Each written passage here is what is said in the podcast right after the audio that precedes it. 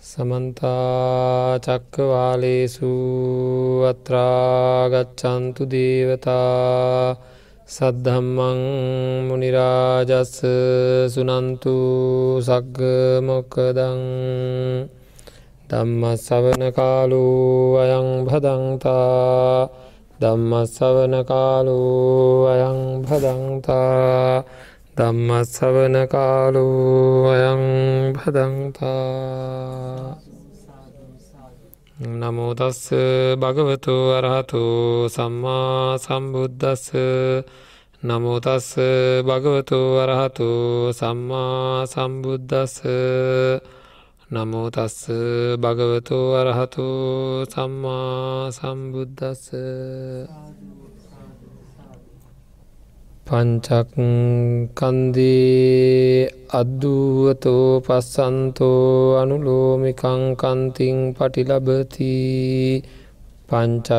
පංචන්නං කන්දානං දුවතෝ නිච්චං නිබ්භානන්ති පස්සන්තෝ සම්මත්තනයාමං ඔක්කමතීතිී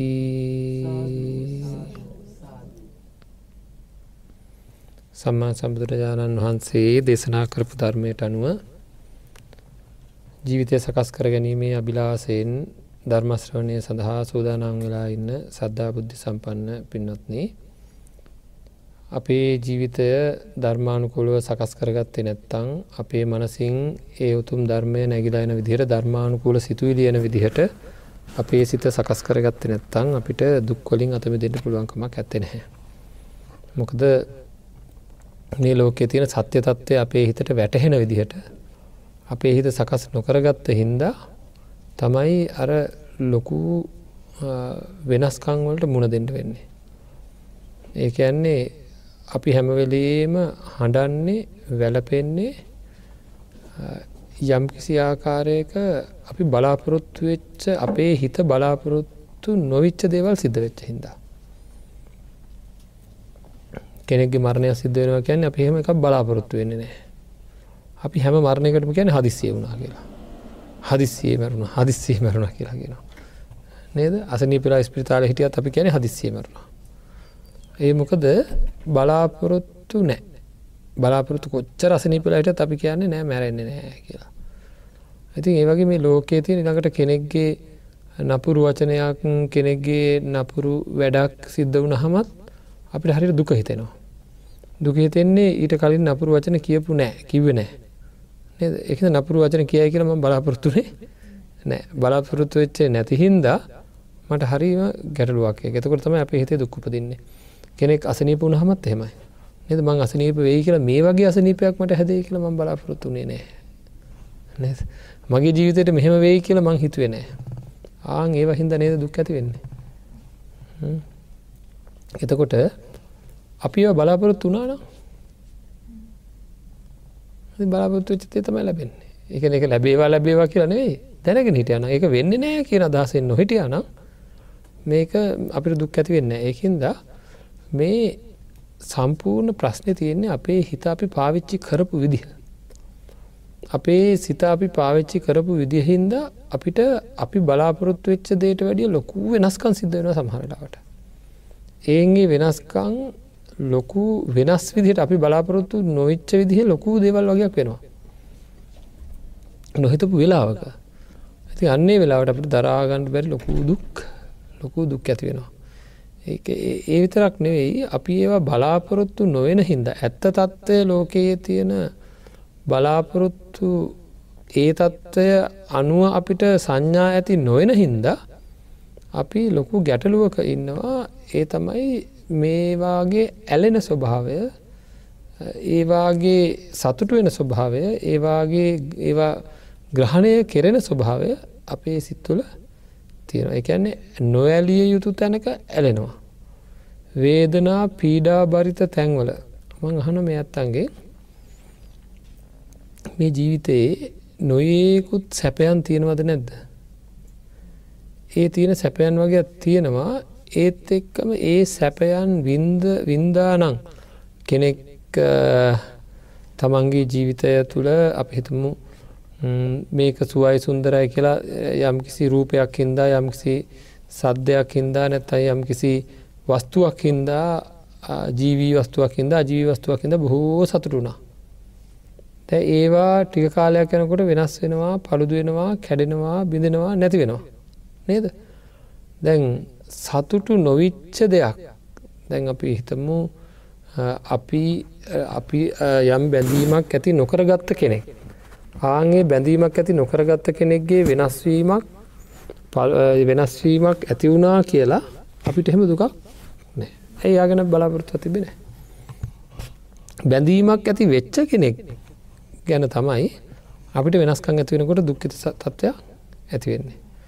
එමුද අපියාගෙන බලාපොරොත්තුව ඇතිවෙලා තිබ්බ හින්දා. එතර ලෝකයේ ස්තීර වසයෙන් පවතිනවාද ලෝකය අස්තීර වසයෙන් පවතිනවාද. ලෝකය අස්තීරයි ස්තීරව තියෙන කිසිීමම දෙයක්. හෙව්වොත් හෙව්වොත් හෙවොත් මෙන්න මේ දේ ස්තීරයි කියලා හොයාගන්නට දෙයක් ලෝකේ නෑ. එතකොට අස්තීරයි කියන ස්තීර වසයෙන් තියෙන්නේ නෑ දුවන් කියන්න ස්තීර දුව කියන්න ස්තීර ස්වභාවය. අද්දුවන් කියන්නේ අස්තීර ස්වභාවය. මං මෙහෙම කියනවා කොච්චර වෙලාවකටද දන්න මේ ලෝක අස්තීර ලෝකෙ තියෙන දේවල් කොච්චර වෙලාවකට දන්න අස්තීර ඒ ගැන කොච්චර වෙලාවකි වෙනස් වෙනවාද? හැම මොහොතකම් වාගේ වෙනස් වෙනවා නේද? අපේ කයේ දැනෙන වේදනාවන් හැම මොහොතකම වෙනස් වෙනවා. හිතට හිතට ඇතිවෙන සංඥාවල් හැම මොහොතකම වෙනස් වෙනවා ආදරයාදී සංස්කාරයන් හැම මොහොතකම වෙනස් වෙනවා. චක්කු විඤ්ඥානාදී විඤ්ඥානයන් හැම මොහොතකම ස්තීර පවතින්නෙම නෑ. ඒවගේ මේ ධාතු හතරෙන් හටගත්ත රූපයන් හැම මොහොතකම හැම මොහොතකම වෙනස් වෙනවා. එතකට මොනුවත්ද වෙනස් වෙන්න ඇතුව තියෙන්නේ. හැමදීම හැම නිමේශයකම වෙනස් වෙන ස්වභාවේ තියෙන හැම ඒ වෙනස් වෙන ස්වභාවය තියෙනවා. අපිට කිසිම ඉවසිල්ලක් නැතුව දුවන්නේ මොකද අපි කොහෙද මේ දුවන්නේ. ඉවසිල්ලක් නෑ. උදේ ඉදං හැන්දෑ වෙනකං ඉවසිල්ලක් නැතුව දුවනවා අපේ හිත මම කියන්නේ. කායට නම් මහන්සි වෙනකොට එක තැනක තියාගන්න කොහොමරි කරලා. පුටුවක් උඩ හරි හාන්සි පුටුවක් උඩ හරි ඇඳක හරි දාලා ඔහෙ තින හමහන්සි අරනවාකෝ කියලා. නේද? ඒ කයෙන් කරන වැඩ නවත්තලා නේ තියෙන්නේ. කයෙන් කරන වැඩ නවත්තලා තිලා කයට විවකයක් දෙනවා. හිතෙන් කරන වැඩේමකක්ද අරමුණු ගන්නවා නද හිතනවා එතකොට නොඒකුත් අරමුණු ඔස්සේ යනවා හිත. එයාට විවකයක් දෙන්නු හොනව නැද්ද. එයාට විවකයක් දෙනෙ හොඳ නැද්ද. පුළුවන්ද. දෙකින්ද මං කියන හා පැත්තකට ගිල්ලා නම් හිත එකරමුණක කුසල අරමුණක හිත තියාගෙන ඉන්ඩ මේ මොකද මේ ප්‍රශ්න තියන්නේ කුසල අරමුණක නම් හිත තිබ කියලා හිතට වෙහෙස නැහැ. රත්වීම් දැවීම් මහ බාරක් වගේ අකුසල අරමුණුත් එක්ක මහ බාරයි රත්වෙන ගතිය දැවෙන ගතිය පිච්චෙන ගතිය නෙ හරී අපහසුකං ඇති වෙනවා අකුසලයන්න එක්ක. එකන අකුසල අරමුණු ගන්න නැතු ටිකක් වෙලා හිටියොත් පහසු යප්පා ඒක හින්ද කුසල අරමුණයක ඉඩ කියලා කියලා. මොකද වෙන්නේ. එහෙම ඉඩ පුළුවන්කම ඇත්තනෑ මෙයා නිශ්චල නෑ. මෙයා හැම්ම වෙලේම මොනවා හරිතයක් පිටි පස්සේ දුවන මහවේගෙන් තුවන අරහෙතුවනවා මෙහෙදුවනවා හරි මෙයාට කිසිීම ශාන්ත ස්වභාවයක් නෑ. මොකද යක් කලබලේ. මොකද මේ කලබලේ? මේ ලෝකෙට ඇවිල්ලා හම්බෙච්ච දේවල් හිද මේ කලපලේ නේද? මේ ලෝකෙට මංආවට පස්ස මට ඉස්සෙලාම් කිරි හම්බුණා. නේද? කිරි හම්බෙච් වෙලා වෙදම් මොක දුන්නේ කිරි නැත්තන් කෑගහන් පටන් ගත්ත. යන්තම් බඩගින්න නොකොට නේද? අම්ම කිරිදිල අයින් කරනකොටම කෑගහනවා කවුදේ වැඩේ කරේ? අපේ සිත. නේද? සිත ඉක්මට කිරිවලට බැඳුනා ටික දවසකින් අම්මට බැඳුනා නේද? දැන් අම්ම නැත්තන් කෑගහන් පටන් ගත්තා. මේ ළමයාව කෑගස්ස වන්නේ කවුදයාගේ සිත හරි කලබලෙන් එයාට හම්බෙච්ච හැම්ම එක මල්ලලා හැම එක හපාගෙන වගේ ඉන්නේ. නේද? අපිට පේනවනම් අපේ හිත හපාගෙන තියෙන දේවල්ටික නේද? මෙහ ඉන්නකොට අනිතයට පේනවනහෙම හරි ශෝක් මන්න කියන්න. එකේ සමහර අය පොඩි පොඩි දේවල් පවා මල් පෝච්චි පවා හපාගෙන ඉන්නේ. ගෙදර තියෙන. ගෙද සමහරයට කොස් ගස් සියල හදපු කොස් ගස් කලේ හපාගෙන ඉන්නවා. නේද? ඇගිවල් හපාගෙන කීප දෙනෙක්වම හපාගෙන ඉන්නවා දරුවටික හපාගෙන. නේද? මේවා එහාට මෙහාට වෙයි කියලා ඒවා අල්ලගෙන හපාගෙන දඟලෙන පොඩි කාලිදම් පින්නොද අපි දන්න දවසේදම් හම්බෙච්ච හම්බෙච්ච එකේ ඇලි ඇලි ඇලි ඇලි ඒකට ඒකට ඒ හම්බෙච්ච දේවල් ඔක්කෝම කොහොම හරි පවත්වා ගැනීමේ දැඩිය ආසාාවකින් අල්ලගෙන මේ හිත මොකද කරන්නේ? හැම්ම තැනම දුවනවා. පොඩ්ඩක් එක තැනක නවත්තවම අපි ඔක්කෝම නිකං හරියට උප කරන වගේ අපිට තියෙන ඔළුවක් කියල එකක්. නේද? ඒහින්ද අපි මොකද කරන්න? මේ ඔළුවත් අරගෙන තැන් තැන්වල අපිෝ තිබ්බොත්. අපි ඔක්කෝම කොහෙද? ඒ කෙනාගේ ලෝකයේ කරකෙනවා. නේද? ඒකට ඒ කෙනගේ ලෝකොල කරකෙනවා. එක්කෙනෙ තමන්ගේ දරුව ගැන හිතනවා එක්කෙනෙ තමන්ගේගේ ගැන හිතනවා එක්කෙනෙක් නේද ඒ ඒ කෙනාට අයිති වෙච්ච දේවල් ගැන එයාම හිත හිත සතුට වෙනවා ය තරහකාරයෝ ගැන හිතනවා නේද මෙයා වේගෙන් යන හැට මෙහට වේගෙන් මහවේ ගැන කිසිීම ශාන්ත භාවයක් නෑ. මොකද එයාට මේ දකින දකින දේ තුළ ඔච්චර වේගෙන් ගිහිල්ලා ඒත් ඒ ඒ තැන්වල ඒ තැන්වල් ලගිනවා. මේක හොඳයි මේක හොඳයි මේක හොඳයි මේක හොඳයි කියලා පිස්සු හැදිලාගේ උද්දාමයට පත්වලෙන් මේ තමයි හොඳ දෙවල. මෙව හරියන්න මෙව හරියන්න කියල වෙලා හොඳ නෑ කියලා හිතන දෙවල් තල්ලු කරන්නත් හොඳයි කියන දෙවල් එකතු කරගන්නට ලොකු උත්සාහයකින්නවා. නේද? සමහරය සමහරය මරල දාන්නවා ඒ වගේ සිතුවිලි හින්දා. සමහරය හරියට හිංසාකාරී වෙනවා. එතකොට මේ වගේ තත්ත්වයක් තියෙන්නේ ලෝකය ගැන කුමන හැඟීමක් කුමන අවබෝධයක් තියෙන හින්දද හිත මේ වගේ මෙච්චර දෙවල් අරමුණු කරන්නේ. හිතට හිත මෙච්චර දෙවල් අරමුණු කරන්නේ මම ගිහිල්ල අල්ලගන්න දේවල් මට පවත්ත ගණ්ඩ පුළුවන් කියලා හිතන හින්දා. එයා හැමලීම සතුට හොයාගෙන යන්නේ නේද එයා හිතනවා එයට ආදරයක් කමුණත එයා හිතනවා මේක මැරණකම් විතරන්නේ නිවන් දකිනකම් තියාගත්ත හැකි නේද එහෙම තමයි හිතන්නේ ඒකින් දෙයක් මොකද කරන්න? පොඩ්ඩක්ත් වෙනස් වෙයි කියලා බයිට දුවනයි පැත්තව දුවන දුවන දුන දුන දුන දුන සතුට ඇතිවෙන්න තැනට රිංගන ගතිය අපේ හිතේ තියෙනවා. සතුට ඇතිවෙන තැන තමයි ඇලෙන්නේ. ආදරයෙහි තියෙන නැත්තම් බැඳීමක් ඇති වෙන්නේ තවත් කෙනෙක් මගෙත් එක්ක වෙනස් නොවී හිඳී කියන හඳුනා ගැනීම හින්දා. හරිද? මේ ලෝකෙ තියෙන දෙවල් වෙනස් නොවී තියයි කියෙන හඳුනා ගැනීම හින්ද තමයි මේ හිත ඒ ඒ තැන දුවදුව ඒ වෙනස් වෙන්න නැතිව තමයි හොයන්නේ. එතකොට යට තේරෙනවා මේවා වෙනස් වෙන්න මේවා වෙනස් වෙන්න මේවා වෙනස් වෙන්න කියලා මගේ ආදරය නම් වෙනස් වෙන්න කවදාක්වත් එක ප්‍රකාශනිකුත් කරනවා. සැරෙන් සැරේ ප්‍රකාශනිකුත් කරනවා. නේද. ඉතින් ඒ ඒ ඔක්කෝම කරන්න මේ හිත එහෙමහෙ දුවදුව දුවදුව ඒ අසාන්තව දුවන්නේ අල්ලාගණ්ඩ එයාගේ තන්හාාවෙන් අල්ලාගණ්ඩ දුවන්නේ ඒ දුවන්නේ ඒ ඒ දේවල් පවත්ත ගණ්ඩ පුළුවන් කියලා දැනෙන හින්දා. ස්තීරෝ තියාගන්න මං එකතු කරගන්න දෙවල් තියාගන්නට පුළුවන් කියෙන දැන හින්දා. යම් විදිහකට මොහොතක්වත් තියාගණ්ඩ බෑ කියන එක එයාට දැනෙන්ට පටන් ගත්තොත්. මේ ලෝකයේ තියෙන දේවල්. නේද මොහොතක්වත් තියාගණ්ඩ බෑ කියලා යට දැනෙන්ට පටන් ගත්තොත්. එයා ඔච්චර අසාන්තව දුවයිද. අපි හිතමු දැන් කාගෙන් හරි ලොකු ලෙංගතුකමක් හම්බෙනවා.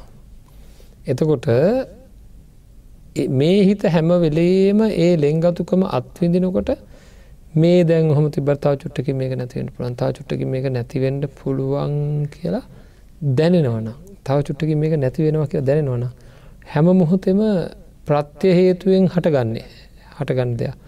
ප්‍රත්‍යය නිසා ඒකන හේතු නිසා හටගන්න දෙයක් තියෙනවන ඒක ස්තීරව තියෙන්නේ නෑ උදාහරණය දේ දුන්න කියලා කියන්නේ හේතු කීපයක්හිද හටගන්න. පහන් දැල්ල කියන්නේ හේතු කීපයක්හිද හටගන්න එකක්. හේතු වෙනස් වෙනවා හේතු කීපයක් මිශ්‍ර වෙලා හැදෙන දේවල් ඒවා ස්තීරව තියෙන්නේ නෑ හැමලීම. ඒ වගේ අපේ ජීවිතයට එකතු වෙලා තියෙන අපේ ශරීරය ආශ්‍රය කරගෙන හැතියෙන වේදනාව හේතු නිසා හටගන්න එක. ඒක සැපවේදනාවක් කරලා ස්තීරව තියාගණ්ඩ අපිට පුළුවන්කමක් ඇත්තේ නැහැ. නේද. කෙනෙක් මගේ ශරීරයේ ස්පර්ශ කරන්නේ නම් මට සැපවේදනාවක් ඇතිවෙනවා කිව්වට එහෙම කියන් බෑ මාව ස්පර්ශ කරේ අකමැති කෙනෙක් නම් මට ඇතිවෙන්නේ දුක්වේදනාව. එනම් කැමති කෙනෙක් ස්පර්ශ කරනවා නම් හරි. ඒකද මම කෙනෙක් කෙරෙහි තියෙන කැමති කෙනෙක්කුට මක් කියන මගේ ශරීරය ස්පර්ශ කර තුොන්නමට සැපයක් ඇතිවෙනවා. නමුත් මං හදිසිය මෙතනත් එක තරහවුණ කැමැත්තත් වෙනස් වෙනවා නේද? එතවට මොකද වෙන දැයි බලන්න මගේ දිහා. නද? බැලුවත් ඉවරහිට පස්සේ. නද? බැලුවත් ඉවරයි. තින් අපිට මේ තරම් වේගෙන් වෙනස් වෙන ස්තීරෝ තියාගණ්ඩ බැරි පංචුපාදානස්කන්දයක තමයි අප මේ හිරවෙලායින්න. හැබැයි අපේ මනස මේ පංචුපාදානස්කන්දය අරමුණු වෙනකොට නොයෙකුත් ලෝකෙ තියෙන වස්තුූන් අරමුණු වෙනකොට අපේ මනස මෙන්න මේ අස්තීරයි කියලා කියන ස්තරෝ තියාගණ්ඩ බෑ කියන පණිවිඩය ලක්ෂණය ඉස්මතු කරන්න නෑ. හරි ඉස්මතු කරන්න ඇතුව හැඟීම උපද්දවනවා. ඉතින් අපි දැන් අපි තැන් මේක හැමදාම තේරුම් කරවන්න ඕන හින්දා මේ බලන්ට මේ වගේ උදාහරණක මේක තේරුම් ගත්ත හැකි. මේ බනිවර වෙනකොට මම ඉතාම ප්‍රියෝපදවන කෙනෙක් මැරෙන්ඩ පුළුවන්ද බැයිද. හැමදා මහන්න මෙන්න මේක මේක තේරුම් කරවන්නට ඕන හිද භාවනාවෙන් සිද්ධ සිද්ධ වෙන්න මේකයි. මැරෙන්ඩ පුළුවන්. එහෙම කිව්වට ඇතුළ තින හැඟීව මොකක්ද. මැරෙන්න්න නෑ ආංගේතක වෙනස්. නේද? නෑ නෑ මැරෙන නෑ කියල. ඒ කියන්නේ මැරෙන නෑගැන එයාගේ ජීවිතය ස්තීරෝම තියෙනවා. තව කාලයක් තියෙනවා. තව කාලයක් තියෙන කියලා. ආම් බලන්ඩ හෙනම් අපේ මනස අපිට දෙන පනිට අපියෝ වචනකිවට ඒ ස්වභාවය තියෙනවා කියලා කියනවා. කිව්වට අපේ මනස ගැඹුරෙන්ම අපිට දෙන අපි තුළ තියෙන හැඟීම මේක තියෙනවා කියලා. මේක ස්තීර තියෙන කියලා තේරනදමන් කියන එක එකෙන් දැන් අපි කියන එක එකක් අපේ ඇතුළ ඇතිවන හැඟීම තව එකක් තමන්ගේ කෙනෙක් මරණයට පත්වෙනකොට විනාඩි දහයක් තව ජීවත්වයි කියලා යම් කිසි කෙනෙක් හිතාගෙන හිටියානං එයාට දුකක් ඇතිවෙනවද නැද්ද. දවසක් ඉදී කියලා හිතපු කෙනාට ඊට වැඩිය දුකක් ඇතිවෙනවද නැත්. මාසයක් අවුරුද්දක් ඉදී කියලා හිතපු කෙනාට ඇතිවෙන දුක අරිට වැඩිය වැඩිද නැද්ද. නේද දැන් තමල්ලගේ ඉන්න කොච්චර කාල ඉදී කියලා හිතාගන්නේ.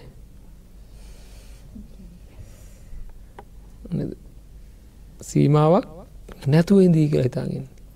එහෙනම් හදිසිය මලොත් ලොකූ දුක ඇතිවෙනවා. ලොකූ දුකක් ඇතිවෙනවා. තේරනත් දැන් කියන අපේ හිත බලාපොරොත්තු තියෙනවා. නෑවෙන්න නෑවෙන්න කියලා අම්මාගේ මරණය තව අවුරුදු දහයි නෑ නැන යා කෝටු ගැහි ගැහි හරි අනුවක් ඉන්නවා සීයක් ඉන්නවා ඊටත් එහා ඉන්නවා. ඒක වෙන්නම නෑ කියල තම හිතන්න. හරි අන්න ඒ තත්ත්වය අපේ හිතේ ඒ නියම පණිවිඩය නෑ. නියම පණිවිඩය නම් මොකක්ද තනාග පිණිබිදක් පෙන්න්න ලමං කෙනවා දැන් වැටෙයි මේක කිය එතර මේ ඇති ඔව වැටෙන්ට පුළුව වැටෙන්ට පුළුවන් කියෙන හැබැ අදහසක් එමතිනද නෑ වැටෙන්න කියලා. නෑ නැහැතොටන්න හැඟීමයි සිද්ධියයි දෙකම එකයි. කියන වචනය සිද්ධිය දෙකම එකයි. මෙවැනි භාවනාවකින් අපි කරන්නේ අනිත්‍ය භාවනාවකින් කෙරෙන්නේ ඔන්න ඔය හැඟීමයි වචනය දෙකම එකක් බවට පත් කරනවා. ඒක දැනගෙන ජීවත්වන හැඟීම එක කියන් බැ මේ ඉන්න මේ නැතිවෙනවා කියලා අපි වචනයට කියනවා නෙවෙයි. ඒක දැනෙනවා. ඒක හිතට පණවිඩයක් විදිහට දැනෙනව නම් මේ හිත ඒව පස්සෙ දුවන්නේ නෑ හොඳයි එතකට ඒක තමයි කියන්න මේ අද්දුවතු පංචස්කන්දය පංචක්කන්දේ අද්දුවතෝ පස්සන්තෝ අනුලෝමිකං කන්තිං පටි ලබති කියලා කියනවා. හරිද මොකද මේ අනුලෝමික් කන්තිය කියන අපි පැහැදිලි කර ගත්තා නමුත් අය මතක් කරන්නට මේකෙන් කොහොද වෙන්න කියලා. මම හරි කලබලයි අනිත් අය වෙනස් වේ කියලා. මයිලඟ තියෙන දේවල් වෙනස් වේ කියලා මගේ හිත කලබල. මට කියන්න ඔය තව පොඩ්ඩකින් මැරෙන්ඩ තියෙන එකටත් තියෙන තව පොඩ්ඩකින් එකන මැරෙනවා කියන තව පොඩ්ඩකින් ඔක්කොම නැති වෙනවා තියාගණ්ඩ බෑ කියන හැඟීම තියෙනවා නම් කෙනෙකුට. හොඳින් කතා කර කර හිටිය කෙනෙක් මගෙත් එක්ක හදිස්සියම වෙනස් විදිහට නපුරු දියට මට කතා කරන්න ගත්තු. මට දුකක් ඇතිවේද. දැන් කාලයක් හොඳින් කතා කරට අර බාන්ඩේ හොඳින් කතා කරලා මට බොහොම ආදරෙන් කරුණාවෙන් කතා කරනකොට ඒ කතා ඒක ලැබෙනකොට මගේ මනස මට දීලා තියෙනවා පණිවිඩේ මේක මේක කොයි මොහොතේ වෙනස් වෙනවද දන්නෑ කියලා.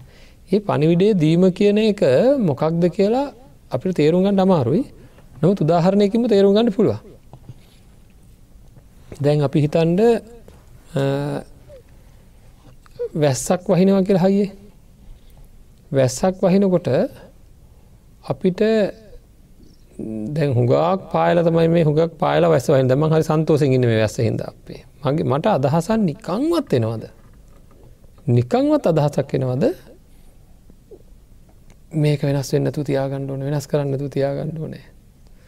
මේ වැස්ස වේගේ අඩුවෙන්ට දෙන්න නන් නවතින්ට දෙන්න නෑ නැතිවෙන්ට දෙන්න නෑ කියලා. එහෙම අදහසක් එන්නෙම නෑ. ඇයි එන්නෙම නැත්තේ? කොයි වෙලාවක නවතීත් දන්න ඇයි? වැස්ස හේතු හින්දා හටගන්න එකක් නේද? තර කොයි වෙලා නවති දෙක මට තීරණය කරන්න වැල් ලැබුණොත් හොඳයි කියලා අදහසකින් නේද? හැම්බලේ වැස්ස ගැන අපිට තියෙන අදහස් තමයි මේක නවතින්ට පුළුවන්. මේක නවතින්ට පුළුවන් කියන එක. ඒකහින්ද තමයි හයියෙන් වහින වෙලාව අපි ගමනක් යන්ට ලෑස්තිලා හිටියොත් තෙමීගෙනම යනවද? ඉන්නවා පොඩ්ඩක්. ඇයි? පායනවා කියලා දන්නවා. මේක අඩුවෙයි. මේක පායනවා කියලා දන්නවා. අන්නේ වගේ බලන්ට ඒක වචනයක්ද හැඟීමත්ද. වැස්ස අරමුණු වෙනකොට ඒ වැස්ස අරමුණු කරන විඤ්ඥානයම තුළ ඒකේ නියමාකාර අරමුණුවීම ඒක මට දැනෙනවා. මේ අඩු වෙනවා කියලා. මේක නැති වෙනවා කියලා මේක වෙනස් වෙනවා කියලා. අන්නේ වගේ අපිට යම් කිසි කෙනෙක්ගේ ආදරයක් යම් කිසි කෙනෙක්ගේ කරුණාවක් මෛත්‍රියකින් එයා දිගටම වචන කිය කියන්නවන යම් කිසි කෙනෙක් පිළිබඳව එයාව දකිද්ද යාගෙන් අපිට අපේ අපේ හිත උද්දාමයට පත්වෙන්නේ නෑ ලාබ ලැබුණ කියලා. හොඳ දේවල් ලැබුණ කියලා. ඒවගේම දේශ ලැබුණ කියලා පීඩාවට පත්වෙන්නෙත් නෑ. ඒ දේශයක් ලැබෙනකොට දන්නවා ඒක වෙනස් වෙලා ඕක වෙනස් වෙලා යන දෙයක් කියලා. හරි ඕක ස්තීරව තියෙන දෙයක් නෙවෙයි. මට තියෙන්නේ නිශ්චලව ඉන්ඩ මට තියෙන්නේ මෙන්න මේ විදිර කටයුතු කරන්න කියලා. එතකොට මම අහනවා දේශය හමුවේ ලෝභය හමුවේ කෙනෙක්ගේ ඉරිසියාව හමුවේ ක්‍රෝධය හමුවේ වෛරය හමුවේ මට එකකව ලැබෙන වෙලාවල්ල එකක විදිර අසනීප ඇතිවෙනකොට එද අපි අසනී පැතිනට හරියට දුක් වෙන ඇයි අසනී පැතිවෙයි කියලා හිතපු? නැතින්ද මේ ශරීරය හැම්බලීම එකදිකර තියාගන්නට පුළුවන් වෙයි කියලා හිතපු හින්දා. එතකොට ලෝකය අස්තීරයි කියලා අපිට දැනිලා තිබුණා නම් පින්නත්න ඒ හැඟීම අපේ තුළ තිබුණා නම් ඒ හැඟීම අර මංගර කිව වගේ වැස්ස වහිනකොට වගේ මේ මගේ ළඟ ඉස්සරහන්න මගෙත් එක ආදරය කර කරන්න මගේ ගෙදර ඉන්න හිතවත් අය යාලුවෝ යොක්කොම ගැන මේවා මේ ඒ ඒ කෙනගේ හිත්තුල ඇතිවන හැඟීම් දේදුන්න වගේ පහන්දල්ල වගේ ඒ ඒ හේතු හේතු ඇතිලා වෙන්නේ. නේද? එයාලට වෙන මොහර දෙයක් ගැන රුචිකත්වයක් උපදිනකොට මාවරුස්සන්නේ නැතු වෙන එක මට නවත්තන්ට බෑ. නේද?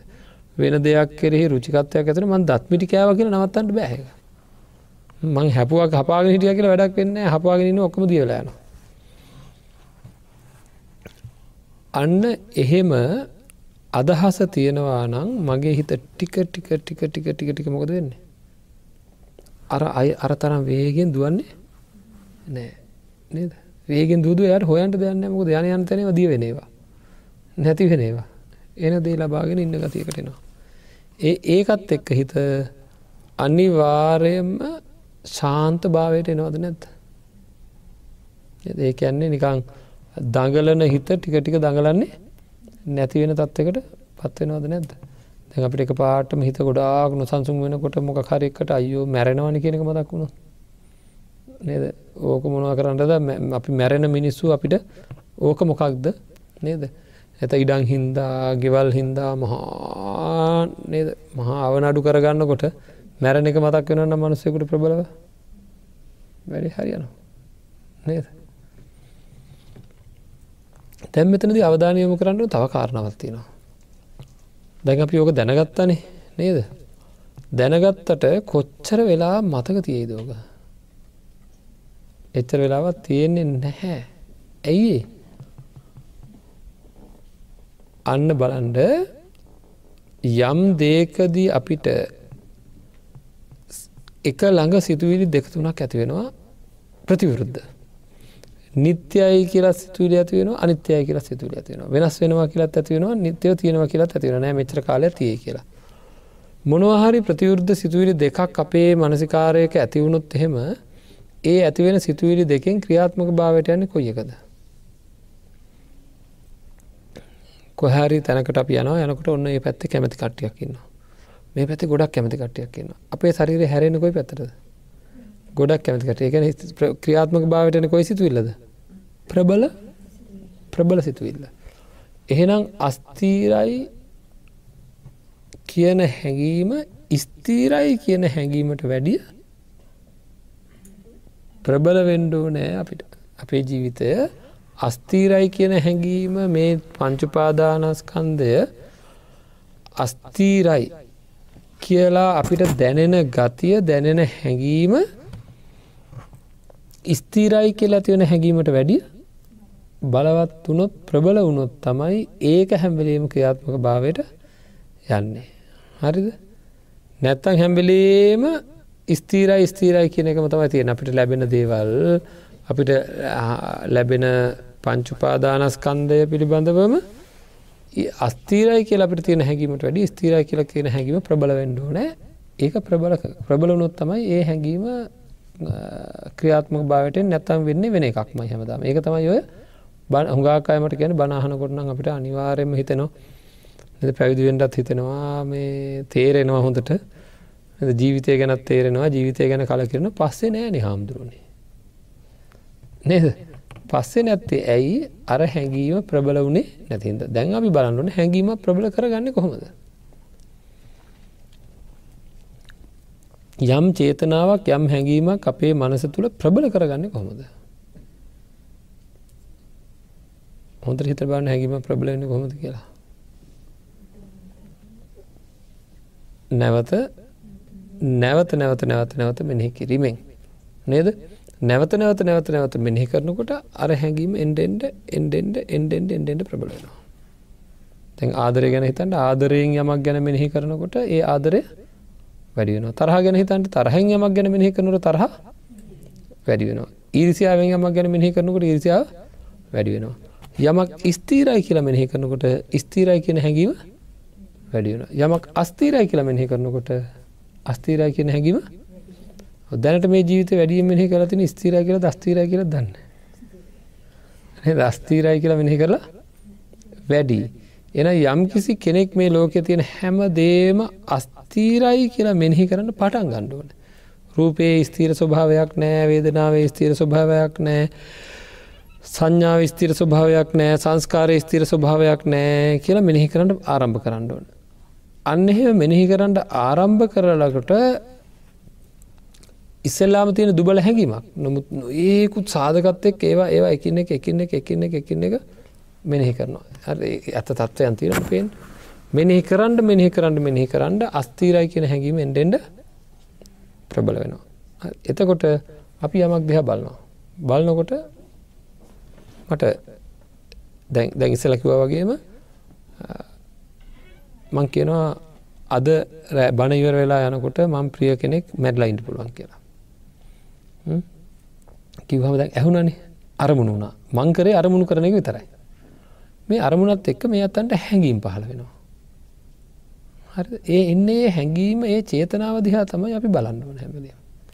ඒ චේතනාව අපි ඉස්සලකව නෑ එහෙම වෙන්නේ නෑ කියලා හැඟීම පහළ වුණා කියලා නේද. නමුත් අපි අනිත්‍ය ස්වභාවය මේ ස්තීරව තියාගන්න බැරි ස්වභාවය හොඳට මෙනෙහි කරලා තිබන.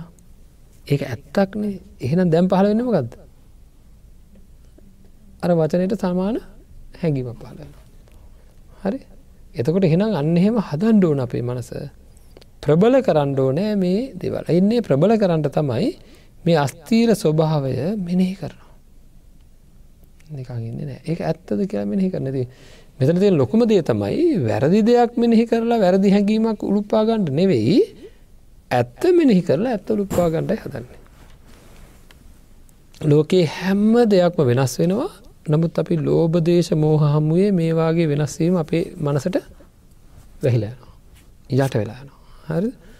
එන්න ඒක හින්ද මොකද වෙන්නේ? අපිට මේ ලෝකයේ අස්තීර ස්වභාවය පිළිබඳ හැගීම් නෑ විනාඩි දායකට හරි විනාඩි පහලවකට හරි විනාඩි විස්සකට හරි මාසකට හරි අවුරුද්ධකට හරි අපි යම් යම් දෙවල් ගැන බලාපොරොත්තු තියෙනවා. ඒ බලාපොරොත් ඇතින විනාඩි දහයක් හරි ස්තීරම එක තිඒ කියලා. හරිද? අන්න ඒ හැඟීම වෙනුවට මේවා එකදිකට තියෙන්ට බෑ කියන හැඟීම ජනිත කරගෙන සාමාන්‍ය ජීවිතය ඉතාම රසවත් වරයන්න පුළ ඇයි? ඇයි කියන රසවත් වරයන්න පුළන් කියලා? ඇ කැඩෙන්ට දෙන්න නේද? හරි සැහල්ුවෙන් එතකොට. ඇයි සැහල්ුවෙන් ඉන්න? මුකුත් බලාපොරොත්තුව ඇති වෙන්නේ නෑ ඇත්ත දැනගනිමින් ඇත්ත තේරෙමින් ජීවත් වෙනකොට අරවා මොකුත් ඇතුල් වෙන්නේ ඇතුල් වෙන්නේ නෑ එතකොට හිත හරි ශාන්තයි. එය භාවනාවරිද ගත්තා කියන්නු. දැම්මකද වෙන්නේ? අර කොහේවා දුවන්ට තැනක් එයාගේ හිතට නැති වෙනවා. ඇයි? දුවපු දුවපු තැන් දුවන දුවන හැම තැනක් ගැන යායට එන්න මොනාද හදද ඇලෙන්ට දෙයන්න මොකද හැම්බලේම වෙනස්සෙන හැම්බලේ වෙනස්සෙන හැම්බලේ වෙනසෙන හෙන ඇලෙන්ට දෙයක්? ඇලෙන්ට දෙයක් නැති බව හොඳටම දන්නවා ඇලෙන්ට දෙයක් නැති බව හොඳටම දන්න හින්දා ඒ මොකද වෙනස් වෙන හින්දා ඇලෙන්ට දෙයක් නැති බව දන්නවා. ඒක ඇලෙන්නේ නෑහිත ගැටෙන්නේ නෑ. අනුන්ගේ මහා ලොකු තර්ජන ගර්ජන එනකොට ඒක්කෝ වෙනස් වෙන දේවල්. යාගේ හිතත් වෙනස් වෙන මගේ හිතත් වෙනස් වෙනවා මේ හප දෙවලත් වෙනස් වෙනවා. මේව නැති වෙනවා කියලා දැනනකොට මොකද වෙන්නේ? ඒ හිතාර දේශය හින්ද නොසන්සුන් වෙන්නේ නෑ. හරිද? ඒකයි දේශනා කරේ පංචක්කන්දේ අද්දුවතෝ පස්සන්තෝ අනුලෝමක්කන්තින් පටි ලබත අනුලෝමක් කන්ති කැන ඔන්නඔය ශාන්ත ස්වභාවය. හරි මේක නිකං නෙවේ ලොකු කාලයක් අරගෙන තමන්ගේ වසයෙන් අනුන්ගේ වසයෙන් හීන වසයෙන් ප්‍රනීත වසයෙන් සන්තක වසයෙන් දූර වසයෙන් ඈත තියෙන දෙවල් වසයෙන් නේද? මේ වගේ මුළු ප්‍රදාසයක්ම ලොකු ගැන ඔක්කෝම එකට කැටිකොට හැමදේම වෙනස් වෙන බව වැටහෙන අකරමකද මේ කැටිකොට වෙනස් වෙනවා කියලා කියන්නේ? ඔක්කොම එකට කැටිකොට ගන්නවා කියන මොකද? අපි හිතේ තියෙන ස්වභාවය. එක අපිට කරන්න දෙන්න මෙහි කරනකට සිද්ධ වෙන දෙයක්. එක සිද්ධ වෙනකං කරගෙන යන්නට හරි. මේ බලන්ඩ අපිට කියනවා පාසලක ළමයින්ට ඉංග්‍රිසි පුළුවන්ද කියලා ගිල හොල බලන්න කියලා. හිට පස්සේ මංගිහින් එක එක එකෙක් ළමයාගෙන් මේ අහල බලන්නවා පලවෙනි එක්කෙනට හොඳර පුළුවන්. දෙවනි එක්කනටත් හොඳර පුළුවන්. තුන්ගෙන එක්කෙනටත් පුළුවන්. තුන් දෙනෙක්ම වෙන වෙන වෙන වෙන බැලවා. දැම්මට එක සිතක් එනවා නේද? තුන් දෙනාට පුළුවන් කියලා. තුන් දෙනාට පුළුවන් කියලා එක හිතක් එනවා නේද? එනම් අර තුනම කැටිකොට එකට දැනු අද නැද්ද? අර තුනම අර තුන් දෙනා ගැන මම වෙන වෙනම පරීක්ෂා කරේ. දැම්මට එක සිතක් ඇවිල්ලා තින තුන් දෙනාට පුළුවන් කියලා. අපි තුම් විසි පස් දෙනෙක පරීක්ෂා කරා කියලා. ඔක්කොටම පුළුවන් වුණා කියන්නව ඒටික ඔක්කොම එකට කැටිකොට මට අදහසක් වෙන ඔකොටම දැම පාසල දෙසියක් විතර න්න එකසිය පනහක් විතර බල ඔක්කොම කතා කරන හොඳට. දැන් මට අදහසක් වෙනවා මුළු පාසලටම පුළුවන් කියලා. නේද? අන්නේ වගේ අපි දන්න දන්න දන්න දන්න දන්න දන්න හැමදේම පිරික්ෂ පිරික්ෂ පිරික්ෂ පිරික්ෂ පිරික්ෂ පිරික්ෂ පිරික්ෂ මේ අනිත්‍ය ස්වභාවය එක දිකට තියාගණ්ඩ බැරි ස්වභාවය අස්තීර ස්වභාවය මෙනෙහි කරා. එකෙක් වස්තුන්ගේ අම්ම ගැන මෙහි කර තාත්ත ගැන මෙහි කර ඒදිරි ගෙදරය ගැන මෙහි කර දැන් අන්තිමතන ගෙදර ඔක්කොම වෙනසෙනවා ඒවත් එක අන්තිමට මේ ලෝකෙ තියෙන එකන සියලු සංස්කාරයන් අරමුණු කරගෙන විශාල පරාසයක්. මේ මේ ලෝකෙ තියෙන බොහෝ දේවල් ඔක්කෝම බලාගෙනනිද්දි වෙනස් වෙන බව තමන්ගේ මනසට එකවර වැටහෙනවනම්. අන්න එහෙම වැටහෙන ගානට ඔය කිවට ගණඩ බයිද?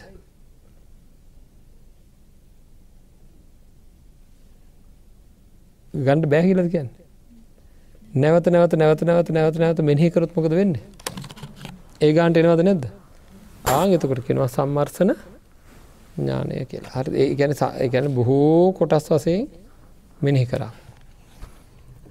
ඉති මේ විදිහට ටික ටික ටික ටික ඉදිරිට යනකට අන්න බන්ධ ලෝකයේ එහෙම අපි හැම දෙයක් ගැන පංචපාදානස්කන්දයම ගැන ඒ විදිට මෙනෙහි කරම ආය මේකට ඇලෙන්ට තැනක් ගැටෙන්ට තැන නැති වෙන ඔක්කොම බෙදිලා පේන ගතිය. නැතිවෙන බව පේන ගතිය තමන්ගේ මනසට එක ඇස්ද පියාගත්තම බිඩිපිනි යනවා පේනවා කියෙනෙක නෙවෙයි මෙහි හරි. අර පනිවිඩය හරියට තියෙන මොකද ස්තීර වසයෙන් තියෙන්නේ නෑ කියලා. අන්නේ ස්තීර වසයෙන් තියෙන්නේ නෑ කියන පනිවිඩය හරියට අපිට ලැබෙනකොට පින්නත්ති මොකද වෙන්න? අපේ හිත ඉතා සාන්ත පට සියල්ලම අනිත්‍යයි සියල්ලම ස්තීර වසයෙන් තියෙන්ට බෑ කියලා. සියල්ලම කියලා. ගන්නකොට අනමංකව සම්මස්ථන ඥානය කියලා. මොකද වෙන්නේ? මේ ලෝකයේ ස්තිරව පවත්වාගන්නට කිසිවක් නැත කියලා ලෝකයේ ගැනම එක හැඟීමක් එන්ට පුළුවන්ද බයිත ඔන්න ලෝකෙක හම කොටස් දෙක තුනකට බෙදලම ලෝක හදාගත්ත හැකි. මුළු ලෝකෙම ගත්ත හැකි මේ මෙහෙම ඔන්න මට ලැබිල තියෙන දෙවල් නොලැබිලා තියෙන දෙවා ලැබිලා තියන දෙවල් නොලැබිලා තියෙන දෙවල්කම ලෝකෙම හොනවද නැත ළඟ තියෙන දේවල් දුර තියෙන දේවල්. ලෝකෙ මහොයි නොද නැද්ද? ඉතින් අන්නේ විදිහට මොක කර එක ක්‍රමය පාච්චි කරගන්න. හරි එතකොට මට එක හැඟීමක්න මට ලැබිලා තියෙන දේවල් ඔක්කෝ වෙනස් වෙන දේවල්. මට නොලැබිලා තියෙන දේවල් ඔක්කෝමත් ලැබුණත් වෙනස් වෙන දේවල්. අන්න එහෙම වෙනකොට අපිට මේ ලෝකයට අපිව හොල්ලන්ඩ බැරිවෙනවා මේ ලෝකයේ තියෙන කෙනෙක්ගෙන් ලැබෙන ආදරයකටවත් නැතන් තරහකටවත් වෙන කිසිම දෙයකට අපේ මනස හොල්ලන්ට බෑ. ඇයි මගේ සිත දන්නවා මේ ඔක්කෝම වේගෙන් වෙනස් වෙනවා කියලා මගේ සිත දන්නවා. ඒකද හොල්ල ගණ්ඩ බැරුවෙන හිත හෙල්ලෙන්නේ නෑ ඇත්තටම හිත ශාන්ත වෙනවද නැද්ද. හරි. අන්න එහෙම ශාන්ත වෙලා ඒ සම්මර්සන සියලුදේ ගැන ඇතිවෙන එකම හැඟීම මේක විසිරිලා ගිල්ල ලොකු පරාසයක් එකට කැටිකොට ගන්න සම්මර්සන ඥානය ඉපදුනාද ඊට පස්සෙ කෙනෙකුට මේකේ ඇතිවීම් නැතිවීම් බංගානු පස්සනා ආදී වසයෙන් තියෙන මේ විදර්ශනා ඥාන පහල කරගන්න පුළඟන්නේ පහළ වෙන කාලය දෙතීය අනුලෝම ශාන්තිය. අර සම්මර්ශනය දක්වා ඇතිවෙන කාලය සාමාන්‍ය අනුලෝම ශාන්තිය.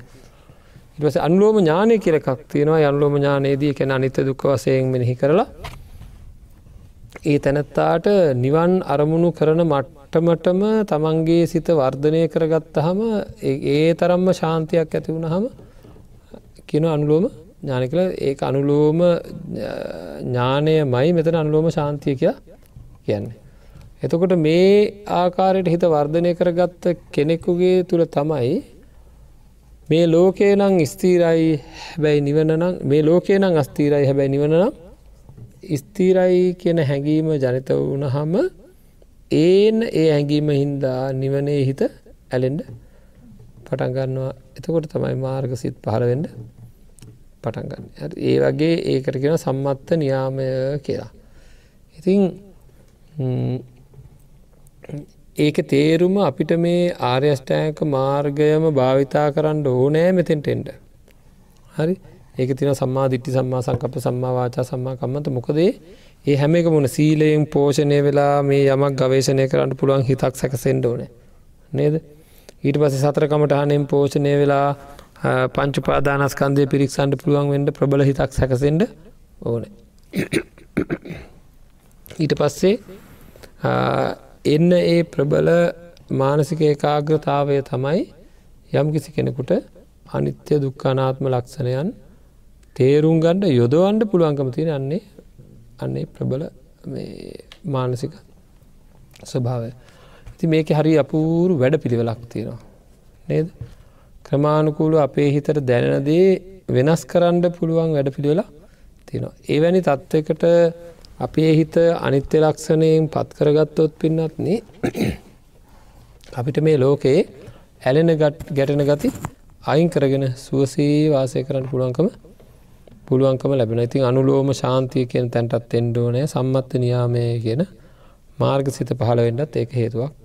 ඒක ලොකු හේතුවක් වන ති තාම කෙටියන්තම මේ දිනවල මොකද ගොඩාක් දෙවල් එකම දේ වගේ කතා කරන්න වෙන හින්ද එක දෙයක් ගැන කෙටියෙන් කතා කරන්නේ. නමුත් මේ කතා කරපු දේ අරගෙන මේ අද්දුවතෝ කියලා කියන පංචුපාදානස්කන්දයම අස්තීරයි ස්තීරව පවතින්නේ නෑ කියන එක අපිට ඉතාම ප්‍රබලව දැනෙන තුරු මේක එක දිකට කරගෙන යන්ඩම කරගෙන යන්න ඕන ප්‍රබලම ඉතා ප්‍රබලව දැන්න තුරු කරගෙන යන්න ඕන. එතකොට එතකොට ඒක කරගෙන යන්ඩ ගිහම අපට සීලයත් ඕන වෙනවා සමාධියත් ඕන වෙනවා ප්‍රඥාවත් ඕන වෙනවා එතකොට එතකොට තමයි කොයි හරි දවසක අපිට ඔය මාර්ග සිතක පහළවීමක් වෙන්න. එතකොට ඒ තත්වට මෙනෙහි කරපු කෙනෙකුට අපේ පින්වත්න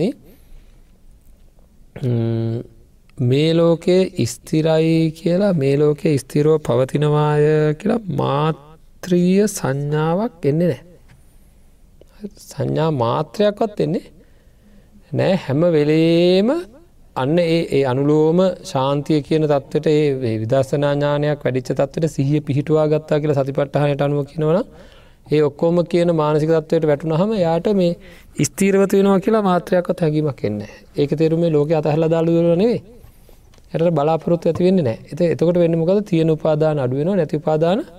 තියෙන උපාදාන අඩුවෙන නැති උපාදාන ඇතිවෙන්නේ නැතු යන ඉතින් ක්‍රමාණුකූලුව හිත ශාන්ත භාවයට පත්වෙනකොට උපාදාන අඩුවෙනකට හිත ශාන්ත භාවයට පත්වෙනවා අන්නේ ශාන්ත භාවයට පත්වෙනකට මොකද වෙන්නේ? අපිට මාර්ග සිත උපදින ගානට සිත පත්වෙනවා. ඉතින් ඒක හින්ද අපි මේ ඉතාම ප්‍රබල වැඩ පිළිවෙලකට යායුතුව තියෙනවා ඉතා ප්‍රබල වැඩ පිළිවෙලකට යායුතුව තියෙනවා මේක සාමාන්‍ය ජීවිතය ඉන්නවා වාගේ නෙවෙයි සාමාන්‍ය ජීවිතය ජීවිතයක් ගත කරන කෙනෙක් ඒ ජීවිතය ගත කරලා අන්තිමට ලොකු පශ්චත්තාප ආදිය ඇති කරගන්න. එහෙම ඉන්න කෙනෙක් වගේ නෙවෙයි මේ වගේ ගැඹුරු මානසිකත්වයක් ඉතා ඉහළ ක්‍රමවේදයක් පාවිච්චි කරලා මං මේ සංසාරදුකයෙන් අතමිදීම සඳහා කළ යුතුදේ කරණ්ඩෝ නෑ කියල දැඩි හැකිම අපි තුළ තියෙන්ටුවන් දැඩිහක මේක මේක මේක ඇවිල්ල සම්පූර්ණ මනස නිවැරදි තැන්ට ගැනීමක්. අපිට අපිට හුඟක් වෙලාට වෙලාතින් අපි බොහෝ පීඩිත දත්තකට පත්වෙනවා ලොකූ ගැටලු සහගතත්වයන් ගොලට පත්වෙනවා නොයෙකුත් වෙනස්කීමට භාජනය වෙනකොට හරි ගැටලු ඇති වෙන්නේ ඇයි? වෙන මොකක්වත් නෙවෙයි. මේ බලාපොරොත්තු ඇතිවෙච්ච හින්ද ඇති එද මේකෙන් අතමිදෙන්ට බුදුරජාණන් වහන්සේ දේශනා කරපු ආකාරයටම කටයුතු කරන්න දැඩිය අධිෂ්ඨානයක් ඇති කරගන්නවන සම්මා සම්බුදුරජාණන් වහන්සේ අපිට මේ පිළිබඳ දේශනා කරේම සම්මා සම්බුද්ධත්වයට පත්වෙලා මේක කරගෙන යන වැඩ පිළිවෙලක් මේ හැමලේම තියෙන සම්පූර්ණ මේ අපි පැයකින් කතා කරන පොඩි දෙයක් නෙවෙයි. ඊට වැඩි එහාටගේ ලොකු නේද? ගැම්බූරෙන්ම හැදෑරිය යුතු තත්ත්වයක්. කෙටියෙන් කියනවන මගේ මනස මම වෙනස් කරනවා. කොහොමද මගේ මනස ම වෙනස් කරන්නේ? දැනට මේක ස්තීරයි කියලා නොයෙකු දේවල් ගැන මට සිතුවිලි ඇති වෙනවා. අන්න ඒ ඇතිවෙන සියලු සිතුවිදී වැරදි බව දැනෙන විදිට මේ ලෝකය අස්තීරයි කියන හැඟීම මගේ හිත තුළ ජනිත වෙන විදිහට මෙහි කර මෙහි කර මෙහි කර කර මෙහි කර කර හදාගන්නඩුවන හරි?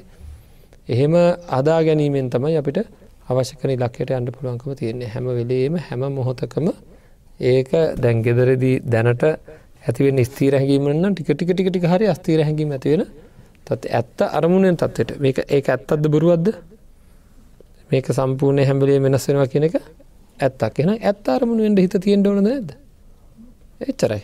කතාව එච්චරයි. ඇත්ත අරමුණු වෙන විදිර හිත තියෙන්ට ඕනෑ. හරි. ඉතින් වැඩ පිළිවෙලක් තියෙනවා. කරන්න දෙයක් තියෙනවා. ඇහුවට විතරක් හරියන්නේ නම් අහගන්නේ කරන ක්‍රමේ ගැන. මම ඔය කියන විදිහට කටයුතු කරොත් මේ අය පරිස්සමෙන් තමන්ගේ හිත වර්ධනය කරොත් ඔය කියන ඉලක්කයට ඕනම කෙනෙකුට යන්න පුළුවන්ද බයිද හැබැ අකණ්ඩ උත්සාහයක් අකණ්ඩ උත්සාහයක් ගණ්ඩෝන ඉතිං අද දවසේ අපි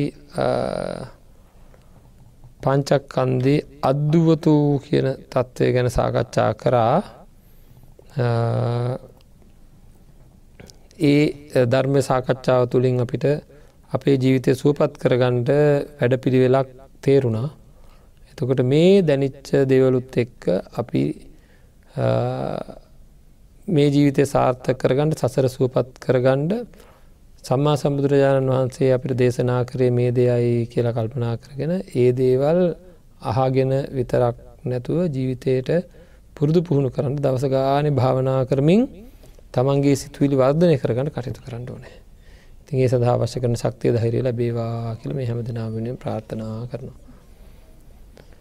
අද දවසේ නිවසට නිවසේදී ධර්මය ශ්‍රවණය කරපු මේ පින්වන්ත අයට ඒ ධර්මය ශ්‍රවණය කරන්න අවස්ථාව ලැබුණ මේ මැදිරියට පැමිල්ලා තමන්ගේ දායකත්වය ලබාදීලා තමනුත් ධර්මය ශ්‍රවණය කරලා අන්නයට ධර්මය ශ්‍රවණය කරන්න අවස්ථාවක් ලබාදුන්න මේ මැදවයේ ඉන්න මේ පින්නන්ත පිරිසහින්දා ඉතින් පින්නන්ත පිරිසට ආශිර්වාද කරමු හැම දෙනාමතුර ජනතුනාව සියලුම පුුණ ශක්තිය මේ හැම දෙනාට මුතුම නිර්වාණාබෝධය සඳහාම වේවා කියල ප්‍රාර්ථනා කරන. ආකා සට්ටා චබුම්මට්ටා දේවානාගා මහිද්දිකා පුඤ්ඥන්තන් අනුමෝදිත්වා චිරංරක්කං තුසාසනං චිරංරක්කං තු දේශනං චිරංරක්කං තුමං පරංතිී